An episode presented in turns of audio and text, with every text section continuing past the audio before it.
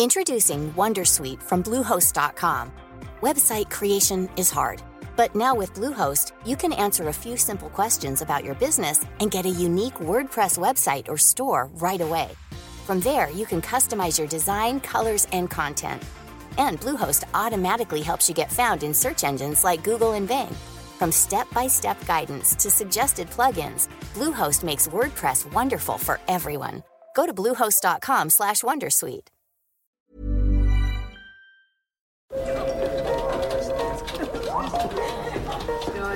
Dette er lyden av norsk næringsliv. Akkurat nå tas det små og store valg som kan bli avgjørende for fremtiden. Med økonomisystemet X-Leger tas disse beslutningene basert på informasjon i sanntid, slik at drømmer og ambisjoner kan bli virkelighet. Få kontroll og oversikt, gå inn på xledger.no. Denne sendingen er sponset av Xleger.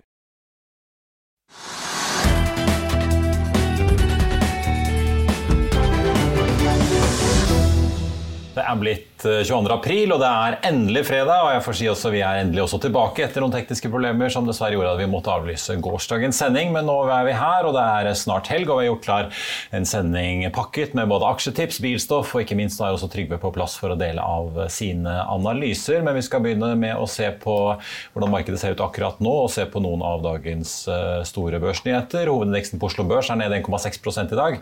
Og med det ligger vi nå ned nesten 1,5% sammenlignet med sluttkursen på den siste børsdagen i eh, påskeuken. Det er også rødt eh, rundt oss i Europa i dag, med en nedgang på nesten 1,8% på dagsindeksen og en noe mindre nedgang i det britiske og franske aksjemarkedet. Og her hjemme er det bare Norwegian faktisk som er i grønt av de mest omsatte aksjene på Oslo Børs, og oljeaksjene de får jo ikke akkurat drahjelp av at oljeprisen nå er ned drøye halvannen prosent til 106 dollar og 60 cent i spotmarkedet. Den amerikanske lettoljen den ligger på 102 dollar og 20 cent. Vi ser også at futuresene på Wall Street peker mot eh, en nedgang der etter det fallet vi så i går. Så får vi ta med en liten gratulasjon da, til denne nykommeren vi har fått på børsen i dag. Dans, det danske plastgjenvinningsselskapet Waste Plastic Upcycling med tikkeren WPU debuterte fredag med å stige rundt 20 fra introduksjonskursen på 15 kroner, dog med en overgrenset omsetning på 800 000 eh, aksjer, eh, altså 800 000 kroner i omsetning i aksjen. Selskapet varslet jo tidligere denne uken at de ville på børs og hente mellom 25 og 100 millioner kroner. 25 av de var allerede sikret fra investorer som hadde tegnet seg i forkant. Men de endte bare med å få inn litt over 27 millioner, altså drøye 2 millioner mer enn forhåndstegningen som hadde kommet inn. Tar vi også med at eh, oppdrettsselskapet Atlantic Sapphire, som driver med oppdrett på land i Florida, la etter stengetid torsdag frem sin årsrapport for 2021. Og markedet reagerer med å sende den aksjen ned nesten 5 i dag. Rapporten viste et eh, milliardtap for året som har gått, og meglerhuset Pareto Security skriver ifølge TDN Direkte i en oppdatering at resultatet er negativt påvirket av en nedskrivning på 32 millioner dollar i den danske virksomheten eh, der det jo var en brann tilbake i september, og forsikringssaken eh, for den hendelsen er ennå ikke avgjort. Får også ta med at eh, Den tidligere fotballstjernen Jon Cahr har vært tiltalt for grov skatteunndragelse. I dag ble det kjent at Økokrim har tatt ut tiltale. En tiltale som det tidligere fotball-S bestrider deler av. Før vi går videre i sendingen, husk at du også kan se sendingene våre ved å gå inn på fano-tv og at vi også har andre podkaster enn bare Økonominyhetene, som Morgenkaffen, Gründerpodkasten Veien hit, Ukens vintips, Kunstpraten og bilpodkasten Mil etter mil. De finner du ved å søke Finansavisen, der du hører på podkast. Da kan jeg ønske Trygve velkommen til studio, Trygve. Vel overstått påske? Vel overstått. Ja, det var ganske tøffe kår i det amerikanske markedet i går. De ble kanskje litt skremt av en viss sentralbanksjef der borte, virket det som? Sånn. Ja, altså De europeiske børsene er jo røde i dag. Ja. og De asiatiske børsene var røde. Og de som fulgte med i Amerika i går, så da at de, alle indeksene falt. Og Nasdaq-indeksen var ned 2% eller sånt. Og hvorfor, hvorfor, var det slik? Jo, fordi det skjedde noe som alle har ventet på, men som det har forventet ville komme. Og så har man liksom lurt seg selv og tenkt at det kommer kanskje ikke likevel. Men altså prisøkningen, eller prisveksten i USA er veldig sterk. Den ligger på 8-9% 8,6 og alle har jo ventet på at sentralbanken skulle si et eller annet om rentenivå. at sentralbanken skal jo ha, renten, skal jo ha, liksom ha da prisstigningen nede i 2 det. Ja, Det er målet over sikt, så ja, 8,5 eller hva de ligger på, det er jo milevis over. Ja. Når det ligger på 8,6% eller 7% som det har gjort en stund, så skjønner man jo at sentralbanken kommer til å gjøre noe. Det er bare en utsettelse av et problem som de må løse på en eller annen måte. Og da, nå kom da Powell, Powell han deltok i en sånn rentedebatt i regi av IMF. Og Da sa han det rett ut, at eh, man må nå på en måte forutse og vente at vi kommer til å øke da rentene med 50 basispunkter, altså et halvt prosentpoeng. Ja, Dobbelt så mye som man vanlig ser på sånne rentepunkter? Normalt er det en kvarting, og så skal man da få da en økning på 0, altså rentepunkter de første ukene av mai. Og det, Da tenkte jeg at nå skjer det. ikke sant? Det vi har ventet på i måneder, kanskje et halvt år. Vi har snakket om det her også, at liksom et høyere rentenivå er dårlig for aksjemarkedet.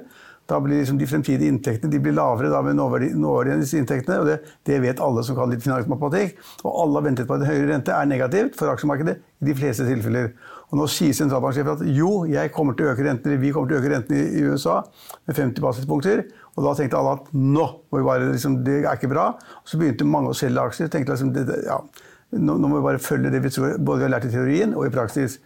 Og Derfor så faller det da faktisk over hele verden. Og det er på en måte ganske negativt, for nå sitter så alle og regner.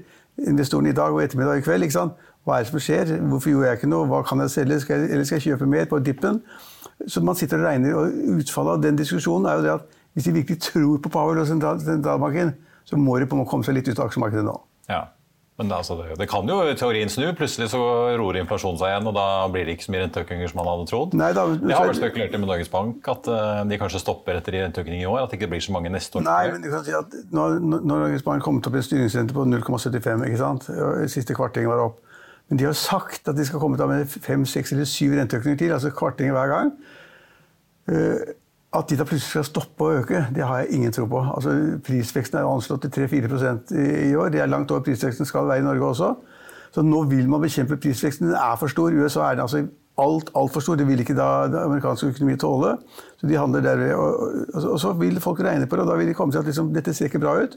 Men så kan du ha enkeltmarkeder som på en måte reagerer annerledes. Har, altså, norsk økonomi er veldig spesiell. Vi har bundet opp, bundet opp energi. Vi tjener voldsomme penger på olje og gass og aluminium. Høye laksepriser? Altså, vi tjener penger på alt mulig mm. rart.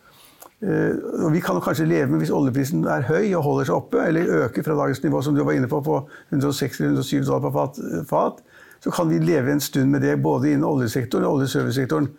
Men generelt, hvis altså, sentralbankene i Tyskland eller USA og i Norge og andre steder nå helt kontinuerlig og systematisk øker renten for å få økonomisk vekst ned og prisstigningen ned, så henger vi med på lasset, og det blir ikke bra. Så det, er jo, det er jo enda verre for disse tech- og vekstaksjene som har hatt det tøft fra før. Men jeg var inne og så nå etter det der fallet vi hadde i går, da, så var da SMP 500 i USA ned rett under 8 siden uh, nyttår. Nasdaq altså På Nasdaq-børsen derimot så er man nede i et fall nå på nesten 16 ja, siden nyttår. Blant annet sikkert da drevet av våre venner i Netflix, som mange abonnerer på. Jo, men Det er et kjempepoeng. fordi at altså, Markedet har falt i USA ganske lenge, så man prøvde å overse det. ikke sant? Det er, ikke alle indeksene, og Nasdaq har falt. Men Nasdaq har falt fordi at læreboken stemmer. Det er altså de tech-aksjene hvor inntektene ligger langt frem i tid hvor man da skal regne de inntektene tilbake til nåverdien. ikke sant? Med økende rente så blir det en lavere verdi. Alle kan det regnestykket. Og det har man regnet på frem og tilbake, og så har man sett at USA skummelt. De har masse tekstselskaper. Forventningene til de fremtidige inntektene har vært altfor store. Og så får man da den høyere rentegangen. Og så fikk man Netflix. Og jeg syns jo det er helt rått. Altså, hvis du går to, to, dager tilbake, da, ikke i går, for da fulgte jeg ikke så nøye med, men for to dager siden, så var jo da Netflix ned 36% på én dag. Det er som om Equinor på Oslo Børs skulle falt 36 ja, men, altså Det er stort. Ja. ja, men 36 det er altså voldsomt. Og I tillegg, hvis du da faller på, i år, så er det 63% Altså Netflix har falt 63% Og Det er fordi at man da på en måte har tenkt seg fremtidige inntekter som er store. Så kommer ikke de, og så kommer de med et regnskap som viser at de mister abonnenter istedenfor å øke. De har liksom, jeg husker ikke tallet, 200, 220 millioner abonnenter eller sånn sånt. Og så regner de med at de øker hver eneste måned, så det blir flere og flere som er med. og Netflix tjener masse penger. Marginalkostnadene for, for å liksom hekte deg på som abonnent er veldig liten, eller tilnærmet lik null. Og så kommer det da melding om at de har ikke fått nye abonnenter. eller Nettoen er ned da. Nettoen er ned 200 000, og de regnet jo med 2,5 millioner ja, tenkte, i pluss. Ja. Da, da, tenkte mange at dette her dette er en full stopp. altså Dette kommer til å ta lang tid før de liksom får økning igjen. Hvor mye penger skal de bruke for å få økningen? Og så var det inne på, ny, inne på, en ny forretningsmodell hvor de da ikke bare skulle leie ut filmer, men også ha reklame på de 200 brukerne, eh, millioner brukerne. Så ting endrer seg, og det der likte markedet dårlig. Og en av de mest profesjonelle investorene i USA, som hadde da plassert ganske mye penger i Netflix, solgte alt i går og i forgårs. Og nå vil jo markedet tenke at liksom, ok, Netflix fikk en smell nå. Er det andre tech-selskaper hvor de fremtidige inntektene skal komme, liksom, bli store? Så blir de leter på det. Amazon leter på ikke sant? De leter på Apple, de leter på Tesla kanskje. De leter rundt omkring. Og det vil være et press nå for å si at liksom, overpriste aksjer får en smell. Og for så vidt, dette, altså Netflix var jo en stor vinner under pandemien for alle satt hjemme og ikke kunne gå på kino. Ja, så de måtte jo abonnere på Netflix, og, og nå plutselig kommer denne full, altså den full revers. Jeg la for så vidt merke til at uh, det med Markus påpekte at uh, netthandelen av mat i Sverige falt nesten 20% i første kvartal. Det er jo et tegn på at folk kanskje syntes det var greit å dra i butikk likevel. ja, det Men det er jo et interessant på en måte utviklingstid. Ja, ja, folk, ja. det er helt åpent. Folk syns det er gøy å gå i butikk. For mange er det sosialt evenement. Altså den Svenskehandelen som jeg skrev om forleden også, det er jo en svær svenskehandel. Det er ikke bare for å få da, matvarer til halv pris. Det er litt happening å være på det Nordby-senteret av og til. Ja. ja, det er ikke bare for å få halv, altså øl til halv pris eller brennevin til halv pris, men det er også fordi at mange da syns det er hyggelig. Sosial utfart på en lørdag eller søndag. Hele familien, lemper bilen full osv. Man skal ikke undervurdere den effekten. og at da når man da ikke kunne reise i Sverige, ikke kunne reise på kjøpesenter osv., så, så blir det mer netthandel, mer bruk av netthandel osv. Og, så og nå, vil hele netthandelen få en smell. Det vil stoppe opp litt. Det vil si at det vil fremdeles være netthandel. Det vil kanskje øke med 2 3 men det vil ikke øke med 10-15% eller 20% Så vi får, altså, vi får ganske store endringer nå. Jeg, jeg, altså, det der med Pavel kommer der man sa at bare vent, det ligger klart allerede, vi har regnet på det allerede. Det blir en renteøkning på 50 rentepunkter. Det var et ganske tøft budskap. Samtidig så påpeker han at han, han, eh, han, vil jo tøyle inn inflasjonen, men ikke ha resesjon. Det er jo en vanskelig balansegang de, ja, de prøver seg her på her. Da. Ja, altså, man kan jo tenke liksom, Bankaksjer de tjener jo i utgangspunktet på høyere renter, men hvis økonomien går dårligere, så blir det jo ikke så god inntjening for bankene likevel. Nei, men vi må huske på én ting her, Marius. og det er at Samtidig med at alt annet å tenke på, renteutviklingen og det som foregår, så har vi den krigen mellom Russland og Ukraina. Og det er helt åpenbart, og det har jo da på en måte Verdensbanken og andre vært inne på, det er helt åpenbart at veksten går ned i mange land pga. den krigen. Det vil bli, Russland er jo én ting, da. Der vil kanskje veksten gå ned 10-15% eller sånn nå. Eh, men veksten i Tyskland, kanskje i Frankrike, kanskje Italia, kanskje Norge Ikke så veldig mye Norge, men mange andre land vil da istedenfor at man forventet en vekst på 5 eller 6% så blir den kanskje 2 eller 3 eller 4% Og når veksten går ned i alle disse store landene, kraftig ned i Kina også, ikke sant? Det er liksom overalt går veksten ned, så betyr det at selskapene selger mindre sannsynligvis, har dårligere marginer og tjener mindre penger. Det er temmelig opplagt et resultat av det. Hvis det gjennomgående er slik at veksten istedenfor å øke normalt, går ned eller får en lavere veksttakt, så vil det også være negativt for aksjemarkedene. Selskapene tjener mindre penger, og det vil aksjonærene da prise til en lavere kurs. Hva er Trygves råd, og hva skal man sitte i da for å være trygg i en verden hvor det går eh, både Det er mindre vekst eh, med Kinas koronatiltak og krig og elendighet. Er det råvarer, eh, gruver og olje og gass og gull? Og ja, men Generelt så har jeg bommet litt. Jeg trodde at dette med renteeffekten ville slå inn mye før. så Vi snakket om dette her både et halvt år siden til et kvart år siden. At en, en økning i renten altså Nå er jo da tiåringen oppe i liksom 2,95 ikke sant? Rentenivået i Amerika er økt. Vi har snakket om det langt at det ville øke, så falt det tilbake igjen. Men altså, jeg har jo hele tiden trodd i altfor lang tid nå at, at, at renteeffekten altså liksom inflasjonsdrivende renteeffekten ville føre at aksjemarkedet ville få en smell. For at rentene skulle opp. ikke sant? Så har vi ikke sett det. Markedet har gått og gått og nye rekorder. Det er ikke, altså Oslo Børs har vært så mye fra rekord bare for et par uker siden. Så markedet har gått og gått og gått, og man har ikke fått den der smellen i USA som man hadde forventet. Heller ikke i Tyskland. Da sier jeg liksom, ok, Det har vært litt tidlig ute med den renteeffekten, men så hva gjør man da nå? Når man sitter her med har fått enda tøffere, effekt, tøffere, resultater av det, og enda klare signaler om at det kommer da økte renter, som er negativt for aksjemarkedet stort sett. Og hva gjør man da? Ja, Da må man lete etter de aksjene hvor det er en knallgod balanse, som tjener penger hele tiden nesten uansett. og som da ikke er så veldig uh, avhengig av da inntekten, inntekten eller vil bli mangedoblet om 10 eller 15 år. Men liksom det, som er, er, det er butikk i dag. Ja. Det er butikk i dag, tjener penger i dag, balansen er god. Kan betale ut utbytte fortsatt osv. Trygge, gode ting. Da må man ha de selskapene. Og Normalt så er det en del sånne konsumvareselskaper. at Folk skal alltid ha det og det og det. Folk skal alltid ha det og det og det, Men skal ikke alltid ha nye ski, man skal ikke alltid ha nye sparkstøtninger, nye boblejakker osv. Men noe skal du ha. Mat skal du ha, f.eks. Pizza og suppe. Jo, men Orkla har vært et godt eksempel på et sånt selskap hvor man sier at det, folk skal ha supper hele tiden, ikke sant? og de skal ha pizzaer hele tiden. Og det er, det er sant. Men Orkla har også vært en ganske trygg aksje, men en jævlig kjedelig aksje. Og så har den utviklet seg dårligere enn de fleste andre, andre det aksjer. Så, det har ikke gått så bra, noe nei, styrelederen ikke la veldig skjul på. Han har byttet ut toppsjefen nei, i påsken. Nei, ja. så Stein Erik Hagen har byttet ut sjefene fem ganger sånn, på få år. Uh, men det er en typisk aksje av den type man kunne tenke seg å være i. Men så har Orkla på, på merkelig vis gjort det dårligere altså enn resten av indeksene uansett. Men den type aksje ville det være. Som da på en måte er i markedet, tjener penger og som har en god balanse. Normalt vil man også si at godt prisede, eller lavt prisede banker tjener penger hele tiden. For at rentene må øke, så pleier de å tjene mer penger faktisk enn lave renter. Eh, og hvis det er en kjempegod balanse og kan betale masse utbytte, så er det bra. Og et eksempel som er kanskje mest typisk i Norge, vil være Equinor. Hvis oljeprisen holder seg høy, de tjener penger, rått med penger på gass og olje, så vil de betale store utbytter til aksjonærene sine. Ganske sikkert. Og i hvert fall mye bedre og sikrere utbytte enn Netflix, Amazon, Apple, Tesla og de, og de ja. selskapene. Samtidig så sa vi jo, apropos solide selskaper som pleier å betale utbytte, Hydro ned 4% i dag etter at den amerikanske konkurrenten ja. Alcoa slapp sine tall og falt 17 i går. Ja, men, men altså Hydro, Så selv, selv, i trygge havner, som man skulle tro aluminium var om dagen, så Nei, det finnes ikke trygge havner. Det finnes ikke absolutt trygge havner, det gjør det ikke, men det er liksom det relative. Ja. Man liksom velger det best mulig av de såkalte trygge. trygge. Og det var i, Før i tiden var det Orkla, jeg tror ikke det er det lenger. for det liksom, på et eller annet vis så svikter inntjeningen, de gjør ikke de riktige tingene. Men, men, men, Equinor ville være et eksempel på det. Men hvis oljeprisen skulle falle fra 105 dollar fatet til 160 dollar fatet, plutselig til 90 eller 85, da er jo kursen ned 20% på Equinor og oljeselskapene og Aker BP og riggselskapene og Aker Oljeservice. Så vi sitter i et veldig usikkert marked. Ja, men, uh, ja. Man får klamre seg fast i et eller annet som man tror på. Trøsten til Equinor-ledelsen får være at Europa trenger produktene deres en god stund fremover. i hvert fall. Absolutt.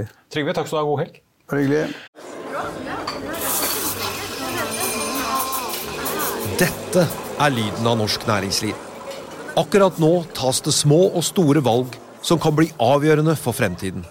Med økonomisystemet X-Leger tas disse beslutningene basert på informasjon i samtid, slik at drømmer og ambisjoner kan bli virkelighet. Få kontroll og oversikt, gå inn på xledger.no. Denne episoden er sponset av van Brun, en fremtredende smykkeforhandler kjent for sitt brede utvalg av forlovelsesringer, gifteringer og diamantsmykker som bæres og elskes i generasjoner. Et frieri er en av de største øyeblikkene i livet, hvor forlovelsesringen er et tidløst symbol på kjærligheten. Valg av ring krever omtanke for både hvilket metall og diamant, med et bredt spekter av både naturlige og labdyrkede diamanter, og metaller som platina, gult gull, hvitt gull og roségull, hjelper de deg med å sette et personlig preg på din kjærlighetshistorie. Van Brun vil gjerne invitere deg til å prøve på tre av dine favorittringer fra nettsiden helt kostnadsfritt. Du kan også låne et bredt spekter av frieriringer, slik at du og din forlovede kan velge en ring sammen etter det store ja. Van Brun tilbyr 90 dagers åpent kjøp og 90 dagers gratis størrelsesjustering. Utforsk deres eksklusive sortiment i luksuriøse omgivelser. Bok en konsultasjon sammen med en diamantekspert i deres showroom i Oslo. Eller online på vanbrun.com. V-a-n-b-r-u-u-n.com. Da skal vi eh, videre i sendingen og ha dagens aksjetips, der vi både får høre om DB Markets sitt eh, nye regnestykke på Elkem, og ikke minst om to kjente amerikanske tech-giganter. Bare se her. Elon Musk-aksjer spås opp 340% og Goldman Sachs er stålbull på skadeskutt tech-gigant. Det er fredag 22. april, og dette er dagens viktigste oppdateringer fra meglerhusene.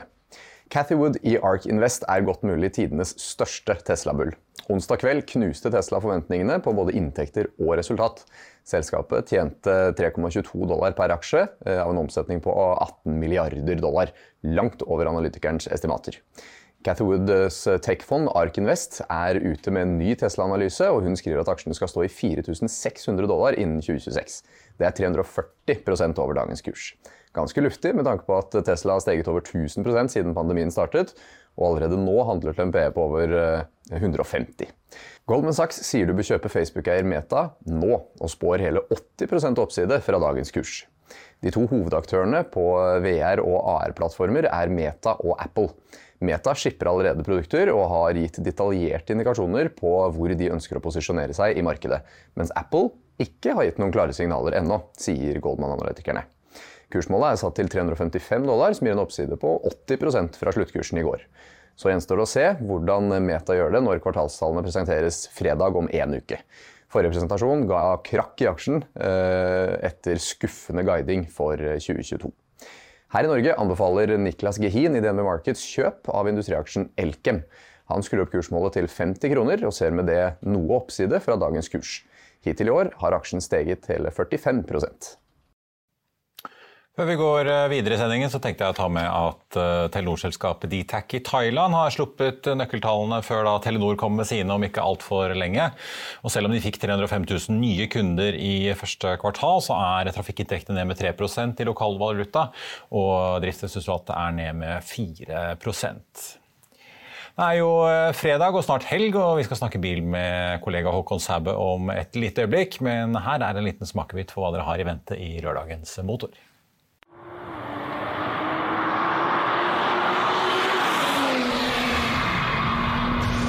Noen ble kanskje bekymret da BMW trakk M2 fra porteføljen sin, men nå kan dere slappe skikkelig av. Nå har BMW lansert M240i X-Drive, og dette er en bil som har veldig mange av de samme egenskapene som den utrolig sportslige M2-en hadde. Det er selvfølgelig ikke en eh, ekte M-modell sånn som M2-en er. Dette er jo M-Performance som det heter. Men dette er en bil som vil løse alle de samme oppgavene som M2-en gjorde. Den har bl.a. fått like bred sporvidde bak og nesten like bred sporvidde foran. Og er faktisk nesten like rask som M2. Den er i tillegg betydelig rimeligere. Et par hundre tusen kroner spart, det er alltid greit å ta med seg. Med firehjulstrekk i tillegg så biter den seg enda bedre fast. Både i akselerasjonen og i svinger.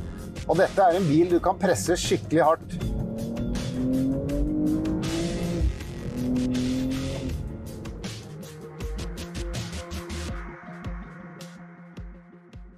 Da har jeg fått med meg Håkon i studio. Håkon, eh, velkommen og god fredag. Du, eh, før vi går videre, altså disse BMW-ene ja. som pryder forsiden. Det er jo en fiffig lilla farve dere har på coveret på denne bilen. da. Ja da. Eh, men designet på disse det virker som BMW har veldig mye forskjellig design om dagen. Denne uken så kommer den nye 7-serien som ser helt annerledes ut. Ja, det er mye som skjer.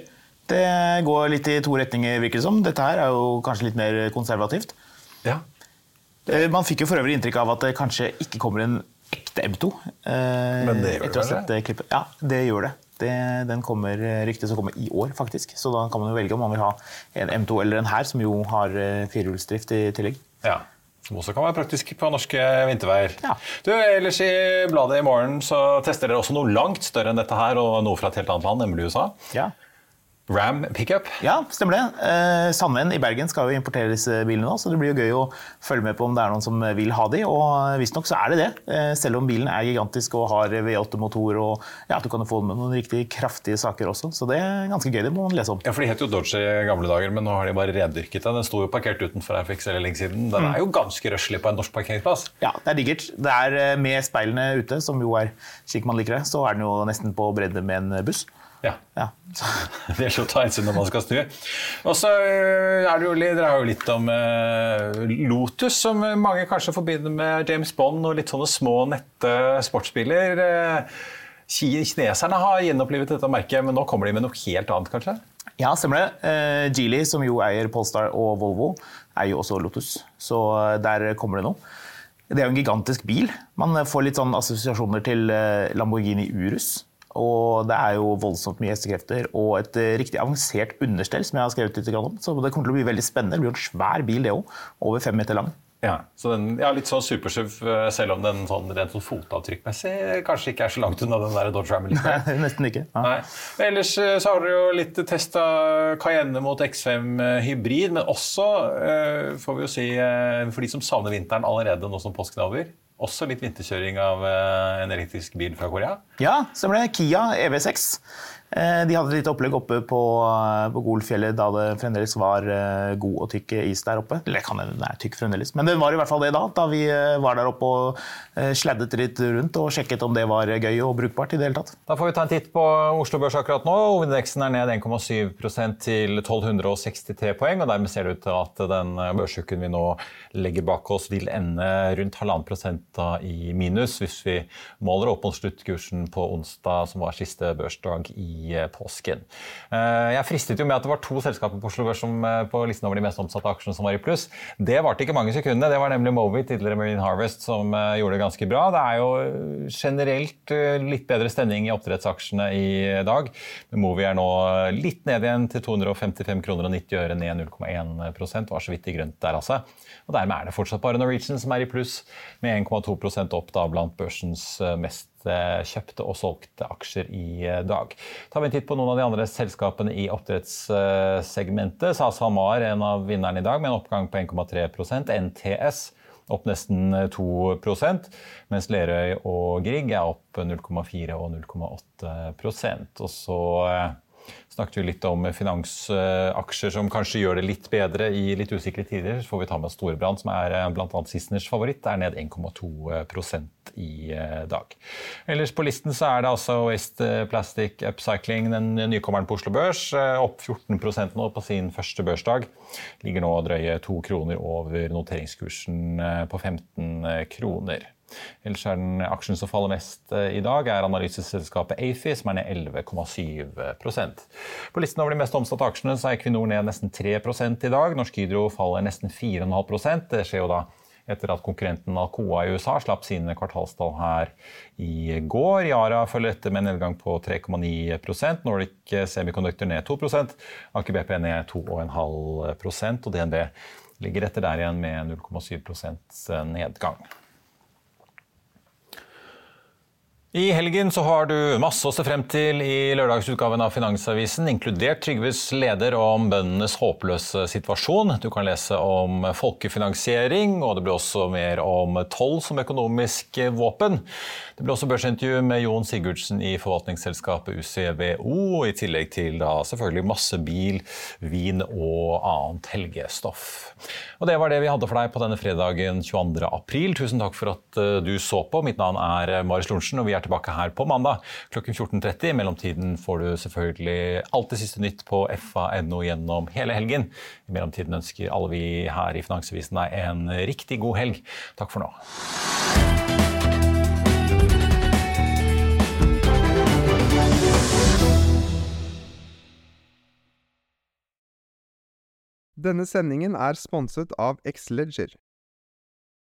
Økonominyhetene er en podkast og videoproduksjon fra Finansavisen. Programleder er Marius Lorentzen. Aksjekommentator er Karl Johan Molnes. Produsent er Bashar Johar. Podkast- og videoansvarlig er Marius Mørk Larsen. Og ansvarlig redaktør er Trygve Hegnar.